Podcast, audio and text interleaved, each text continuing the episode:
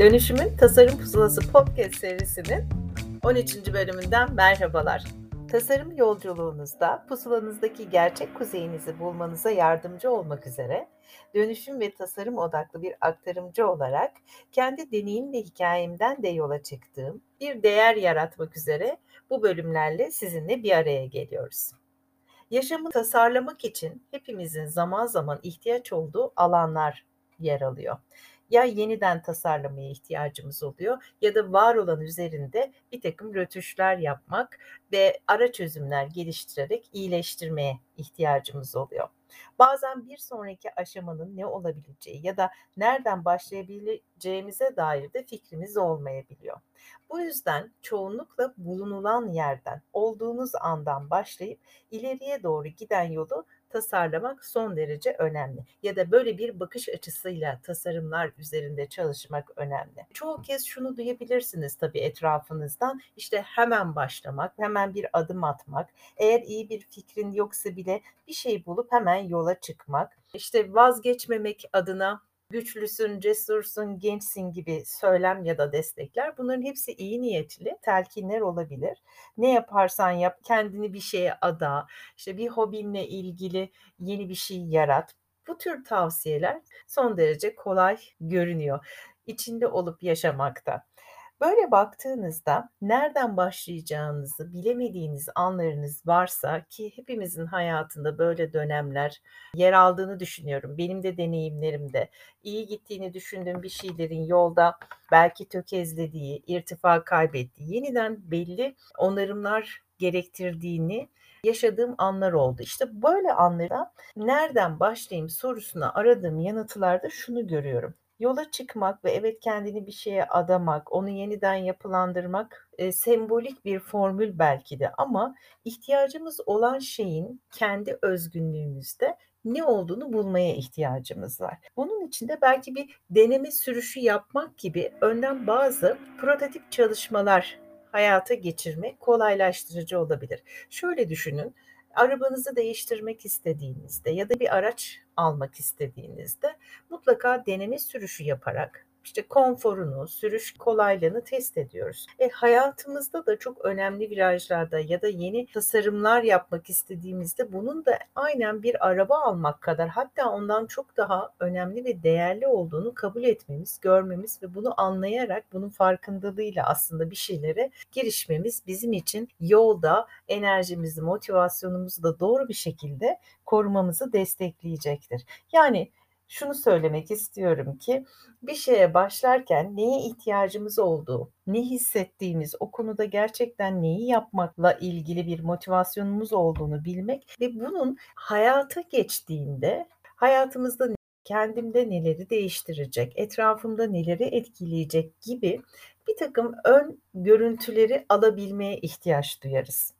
Bu bazı olasılıkların işte deneme sürüşünü yapar gibi aslında engin denizlerde ya da boyumuzu geçen deniz sularında yüzmek yerine suyun biraz daha dizlerimize kadar olduğu alanlarda girişimlerde bulunmak daha riskleri azaltılmış, bir şekilde analizlerinin veya denemelerinin yapılabildiği ve bize iyi gelen hamleler olacaktır. İleriye giden yolu tasarlayabilmek için tanımlayıcı deneyimler ve katılımlarla çalışmalar yapmak mümkün.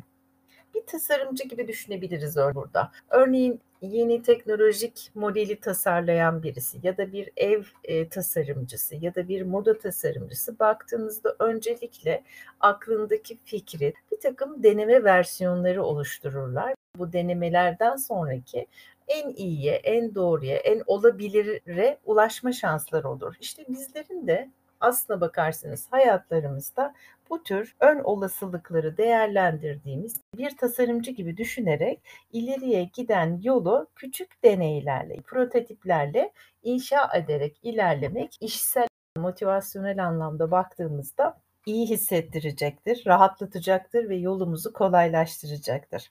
Bunun için de bir sonraki adımın ne olabileceği ya da ne yapılabileceğine dair okumak, araştırmak, düşünmek, düşüncelerine dalarak değil de işi yaparak, insanlarla tanışarak ve bir takım pratik deneyimler edinmek suretiyle seçenekleri araştırma boyutuna geçmek ve böylelikle hedeflediğiniz, arzuladığınız yolda çalışmalarınızı ileri götürmek mümkün. Özetle planınızın tüm yönleri için en iyi verileri kapsamlı bir şekilde araştırmanın sizin için iyi olacağı durum yerine buradaki bakış açınızı, inancınızı değiştirerek aslında alternatifleriniz konusundaki soruları araştırmak için bir takım prototipler oluşturma yolunu seçmeniz mümkün.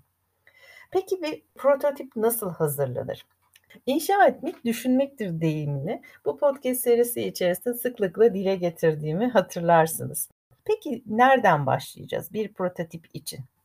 Prototip hazırlamak aslında tasarım düşüncesinin bütünleyici bir parçasıdır. Nasılı kadar niyesinin de iyice anlaşılması için bir adım bazen geri atıp düşünmeye de değecek bir anı yaşatır ya da anları yaşatır size. Dolayısıyla yaşamınızı tasarlarken geleneksel bir sebep sonuç düşüncesinin işe yaramadığı, dağınık bir problem türü olduğunu kabul etmeniz gerekir. Yani bir prototip hazırlamak sizi geleceğe gizlice yaklaşmak üzere yolda tutucu önemli bir katkı sağlayacaktır. Tasarım düşüncesinde prototip hazırlama teriminin kullanılmasında çözümün doğru olup olmadığını kontrol edecek bir şeyin yapılması kastedilmemektedir. Yaşam tasarımı yolunun prototipini hazırlamak demek, iyi sorular sormak, gizli ön yargılarımızı ve varsayımlarımızı açığa çıkarmak ve hızlıca yinelemek ve denemek isteyeceğimiz bir yol için ivme bulabilmektir. Bunu sağlayabilmektir. Prototipler dolayısıyla soru sormak ve ilgilendiğimiz o konuyla ilgili veri toplamak amacıyla tasarlanır.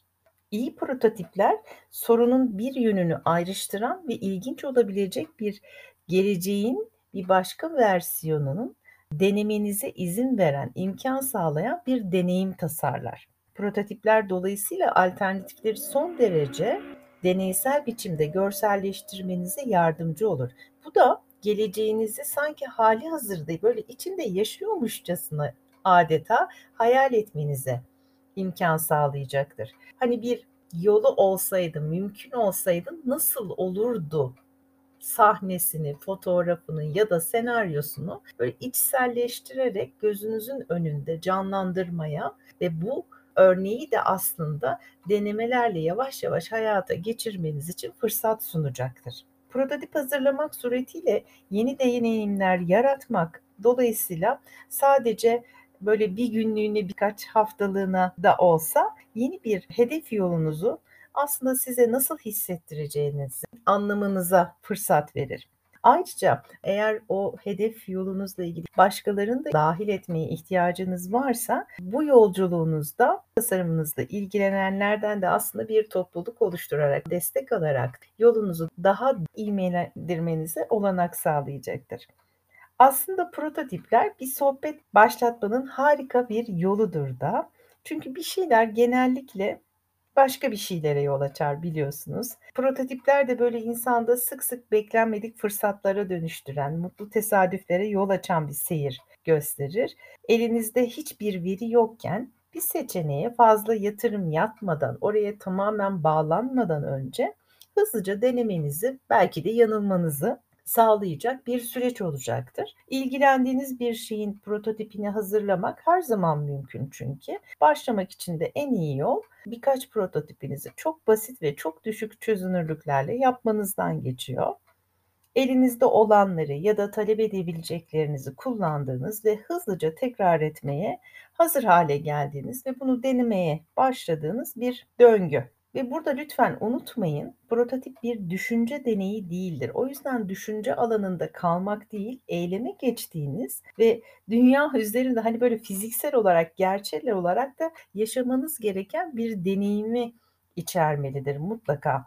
İyi karar verebilmek için çünkü gereken veriler gerçek dünyada bulunduğundan bir prototip hazırlamada bu dünyadan faydalanmanın ve ilerlemek için de ihtiyacınız olan verileri almanın en iyi yolu olacaktır. Prototip hazırlama aynı zamanda empati kurmak ve anlayışlı olmakla, hoşgörü geliştirmekle de ilgilidir. Çünkü başkalarıyla çalışmak, işbirliği yapmak, bütün bunlar sizin hedefinize gittiğiniz, o tasarlamak istediğiniz süreç içerisinde herkesi de bu yolculuğun içinde görebildiğiniz ve sizin prototipiniz üzerinde başkalarıyla olan etkileşiminizi de anlamanıza ve yaşamanıza yine olanak sağlayacak bir yol gösterecektir. Dolayısıyla yaşam tasarımlarınızı ortaya koymanızı ve yaşamınızla ilgili gerçel fikirler oluşturmanızı destekleyecektir. Kısacası iyi sorular sormak, deneyim edinmek, varsayımlarınızı ortaya koymak, hızlıca belki başarısız olmak, olumsuzluklarda yaşayabilmek, böylelikle ileriye doğru başarı oranınızı daha iyileştirmek, geleceğe yaklaşmak ve hem kendimiz hem de başkaları için empati kurmak için böyle bir çalışma yapmanın tasarım yolculuğunuzda son derece olumlu bir katalizör etkisi olacağını ve bunun aslında tasarımın bir parçası olduğunu söylemek gerekir. Prototip hazırlamak yaşam tasarım sürecinizin bütünleyici bir parçasıdır çünkü. Şöyle bir örnek hatırlıyorum bir danışanımın hikayesinden. Kendisini mutlu edeceğini düşündüğü hayali için harekete geçen ve bunu hemen hayata geçiren bir danışanımdı kendisi. Bir restoran açma fikri ki bu restoranı açmadan önce aslında çok daha farklı bir sektörde çalışmışlığı vardı. Tabii ki hem satış hem pazarlama konusunda uzun yıllardır da deneyimler biriktirmişti.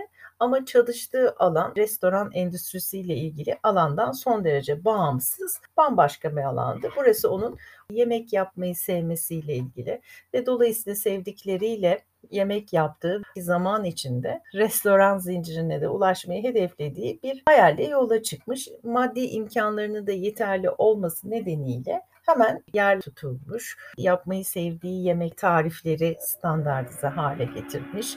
Bu işi yapabileceği bir mutfak ekibi kurmuş. Tutulan yerde son derece güzel bir dekorasyonla faaliyete geçilmiş. Şaşalı bir açılışı yapılmış. Derken bir süre sonra sadece yemek yapmak ya da sadece dostlarıyla iyi vakit geçirmenin ötesinde bir sorumluluğu olduğunu da fark etmeye başlamış elbette ki bir restoran işletmecisi olarak. Çünkü işin muhasebe tarafından tutun da gerektiği durumlarda tamir işlerine kadar envanteri kontrol, personel alımı ya da işte personelin gelişimi için gerekli süreçlerin işletilmesi, bir dolu mali prosedür, malzeme siparişlerinin yapılması, pazarlama faaliyetleri türünden elbette ki o restoranın hayatta kalması için birçok farklı işin de onun artık sorumluluğunda olduğunu gördüğünde bu kendisinde yavaş yavaş mutsuzluk ve belki de kurumsal günlerindeki gibi gene böyle hedeflerin etrafında gezen ve birbirinin aynısı rutin günler hatta belki zorlayıcı takım ekstra sorumlulukların da patron olmasından dolayı omuzlarında çoğaldığını hissetmiş ve çok sevdiği bir işi yapma niyetinin aslında o işi o şekliyle yapmaktan daha başka bir şeye ihtiyacı olduğunu fark etmiş ve biz de zaten bu anlamda kendisiyle bir destek ihtiyacı olduğunda tanışmıştık. Dolayısıyla eğer ki böyle bir deneyimi daha öncesinde bir prototiple yapabilmiş olsaydı, örneğin bir catering servisi verebileceği, küçük maliyetler, küçük bir ekip, risk altına girmeyeceği, büyük bir restoran tarzındaki iş ya da mali yükün olmadığı tarzda küçük bir denemeyle belki bazı restoranlarda şef olarak çalışıp ya da işletmeciye yardım edebileceği pozisyonlarda rol alıp bu havayı, atmosferi soluyabilmiş olsaydı bu işin içine hemen girmek yerine küçük adımlarla test ettiği, deneyimlediği için daha başka bir yerden başlayabilir ve gerçekten istediği şeyin bir restoran işletmeciliği mi yoksa onun içinde farklı bir alanda odaklandığı bir yer mi olduğunu daha rahat sezebilmiş ya da fark edebilmiş olabilirdi. Dolayısıyla ilk önce ağırdan almak, bir prototip hazırlamak çok daha fazla zaman kazandırıcı olabilir ne kadar aceleniz bile olsa yaşam fikirlerinizin mutlaka prototipini hazırlamanızı bu noktada ben de öneriyorum. Kendi yaşamımda da aynı şekilde yeni bir takım hamleler yapmak istediğimde özellikle de hep size ilham aldığım Yaşamını Tasarla kitabında size de aktardığım kendi hayatıma uyarlayarak bunların e, egzersizlerini yaptığımda gördüğüm şey hep o oldu. Mutlaka aklınıza gelen o tasarımla ilgili ön bir takım prototipleri yapıp hayata geçirip ondan sonra gerçekten neyi ne kadar istediğiniz, neyin yolda gittiği, neyin zorlayıcı olduğu ve bu konuda sizin duruşunuzun, isteklerinizin neler olduğu, değerlerinizle bütünleşip bütünleşmediği gibi türlü türlü senaryoları deneyimleme fırsatı buluyorsunuz. Bunun için de en güzeli aslında sizin arzu ettiğiniz o yolda yapmak istediğiniz şeyle ilgili deneyimi olan, bu yoldan geçmiş olan kişilerle yapabileceğiniz görüşmeler, hatta bunun adına Yaşamını Tasarla kitabında Bill Burnett ve Dave Evans yaşam tasarım mülakatı ismini verdikleri bir seans ya da seanslarla bilgi edinilmesi gerektiğini öngörüyorlar ve bunu savunuyorlar. Bunun çok doğru olduğuna inanıyorum. Çünkü o yoldan geçmiş kişilerle yapacağınız anlamlı sohbetler belki onlarla beraber bunu deneyimlemek, bir gölge çalışan gibi onlarla birlikte bazı günleri ya da bazı süreçleri birlikte yaşayabilmek, o havayı soluyabilmek sizin kafanızdaki birçok sorunun cevabını bulmanıza, bir tür prototip yaşamanıza elverişli hale getirecektir.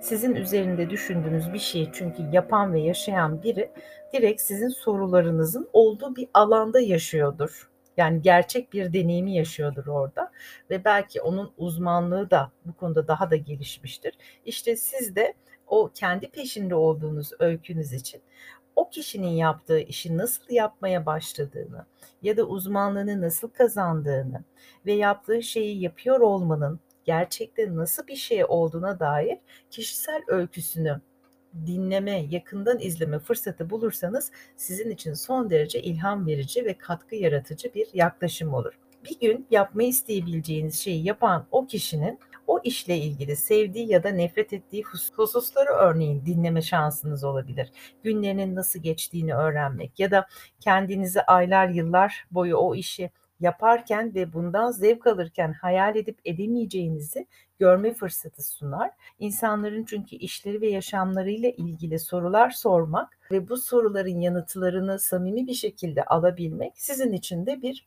adeta bilgi havuzu oluşturacaktır. Çünkü çoğu insan yetenek değil de aslında hayal gücü eksikliğinden dolayı başarısızlığa uğrar.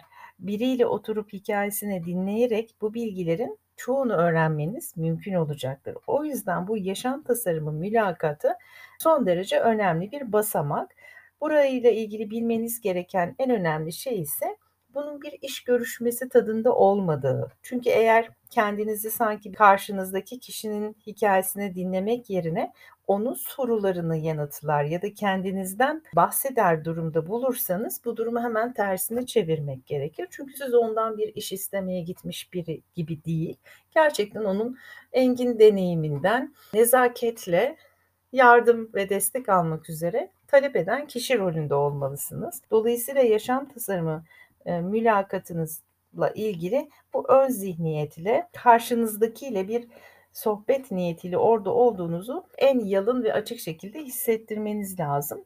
Tabii bunun için önden bir randevu istemek gerekiyor. Belki bir referansla gideceksinizdir. Bu kişileri araştırmış olacaksınızdır. Belki onlarla işte sosyal medya kanalıyla önden bir ilişki bağı kuracaksınızdır. Burada şeffaflıkla ve içtenlikle niyetinizi, bu randevuyu oluşturma isteğinizin ardındaki gerekçenizi açıklıkla anlatmak, samimiyet karşı taraftan da olumlu bir cevap almanıza yardımcı olacaktır. İlgilendiğiniz alanlarda dolayısıyla çalışanları ve öykülerini öğrenmek, tespit etmek, belki bunları işte bir liste haline getirmek ve daha sonra da bu kişilerle temas kurmaya başlamakla işe koyulabilirsiniz. Prototip sohbetleri dolayısıyla müthiştir. Ee, yaşam tasarımınızı oluştururken bir girdi olarak bu öykülerden çok daha fazlasına tabii ihtiyacınız olacak. Başkalarının yaptığını seyrederek hatta daha iyi bir biçimini kendiniz yaparak bu tasarımın gerçekte nasıl olduğunu deneyimlemek isteyebilirsiniz. Gelecekteki olası versiyonunuzda doğrudan bir önden karşılaşma yoluyla öğrenmenize imkan tanıyacaktır ve büyük yatırımlar yapmadan önce daha emin olmanızı, gerçekten burada neyi ne kadar istediğinizi ve önünüze çıkabilecek olası durumları, senaryoları erkenden görmenize fırsat verecektir.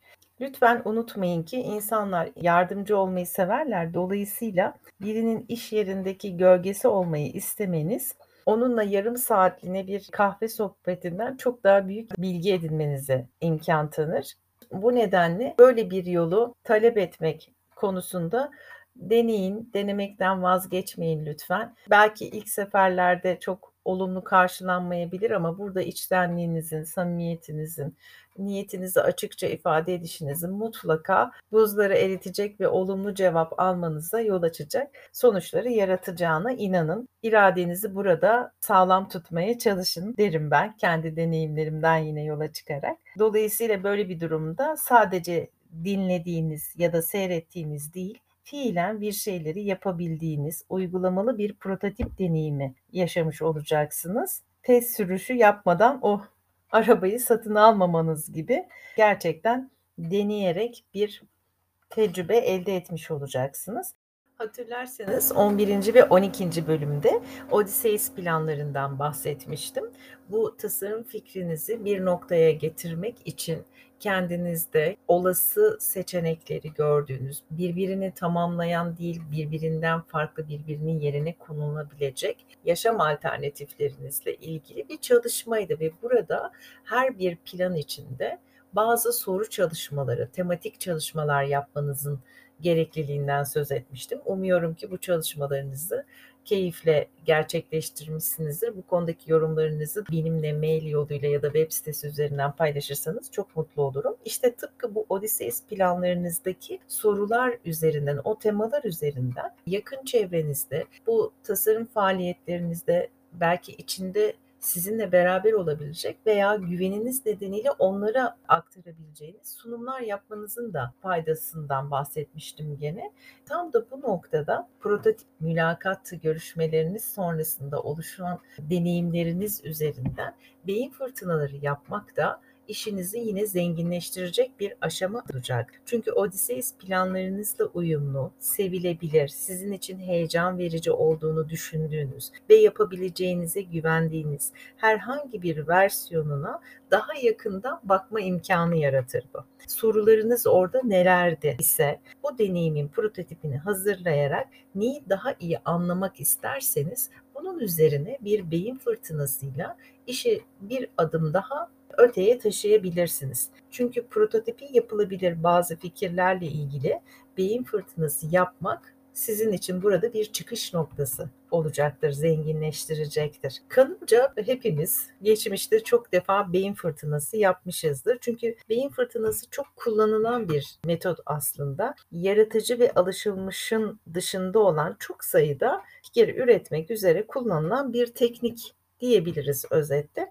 Beyin fırtınası tekniği ve metodolojisiyle ilgili daha detaylı bilgileri ve bütün alt bileşenlerini sizinle bir sonraki bölümde paylaşıyor olacağım. Bugün aslına bakarsanız alternatifleriniz konusundaki soruları araştırmak için ve bir de bunları deneyimleyebilmek için prototipler oluşturmaktan söz ettik ve bunu yaparken dikkatimizde neler olması gerektiği, prototip deneyimini nasıl hazırlayacağımızı ve nasıl ilerletebileceğimizi ve bu konudaki ihtiyaçlarımızın neler olabileceğini sizlerle paylaşmaya çalıştım. Umuyorum ki bu bölümde elde ettiklerinizle bir sonraki bölümde aktaracağım beyin fırtınası tarafını birleştirerek aslında yaşam tasarımı yolculuğunuzdaki tasarlamakta olduğunuz konunuz her ne ise bunu biraz daha ileriye taşımış olacaksınız. Çünkü olası her versiyonun kendinizi daha iyi hissettiğiniz, içinde olmayı seçeceğiniz ve bir sonraki daha iyi versiyonunuza hizmet edecek çıktıları yaratmasını hedefliyoruz.